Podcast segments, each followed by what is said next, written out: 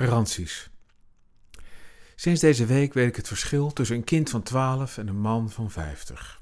Dat wil zeggen wat mezelf betreft.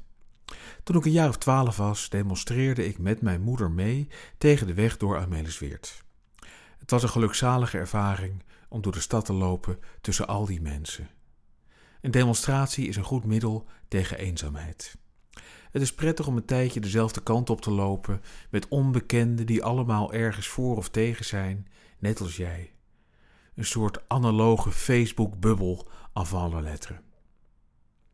Ik kon me niet voorstellen dat al die bomen gewoon gekapt zouden worden als zoveel mensen daartegen waren. Ik wilde me ook aan een boom laten vastketenen, maar gelukkig werd het me met klem verboden om als knuppelvoer voor de ME te dienen. Een jaar of veertig en een aantal gebarsten dromen verder weet ik hoe het zal gaan. Je ziet het al aan die grijns van Cora van Nieuwe Huizen, dat slagvaste liberale spook van een mens dat internationaal geroemd wordt om haar bereidheid om de asfaltlobby ter wille te zijn. Op een dag liggen al die oude bomen om, wederrechtelijk of niet, en dan maakt het allemaal niets meer uit. Dat is het verschil tussen een jongen en een man. Een jongen denkt nog dat democratie gelijk staat aan hoop voor alles wat mooi en waar is, aan zorg voor wat kwetsbaar is. Een man weet dat democratie voornamelijk betekent dat je kunt zeggen wat je wilt, voordat de regering doet wat het grootste deel van het electoraat wil. Of een vage interpretatie daarvan.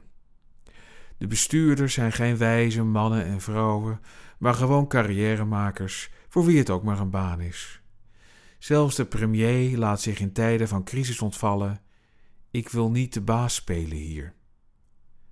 Nee, niemand is de baas. Ja, de markt. En de eeuwige, trage stroom van blik over asfalt.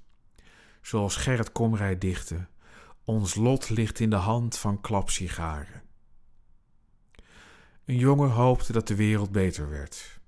Een man vreest een herhaling van zetten met verdere verminking van Amelis Weert als uitkomst. Maar in het verleden gekapte illusies bieden geen garantie voor de toekomst.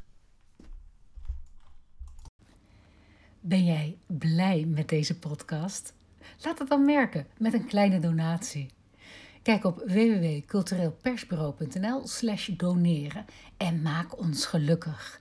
Dus www.cultureelpersbureau.nl schuine streep doneren.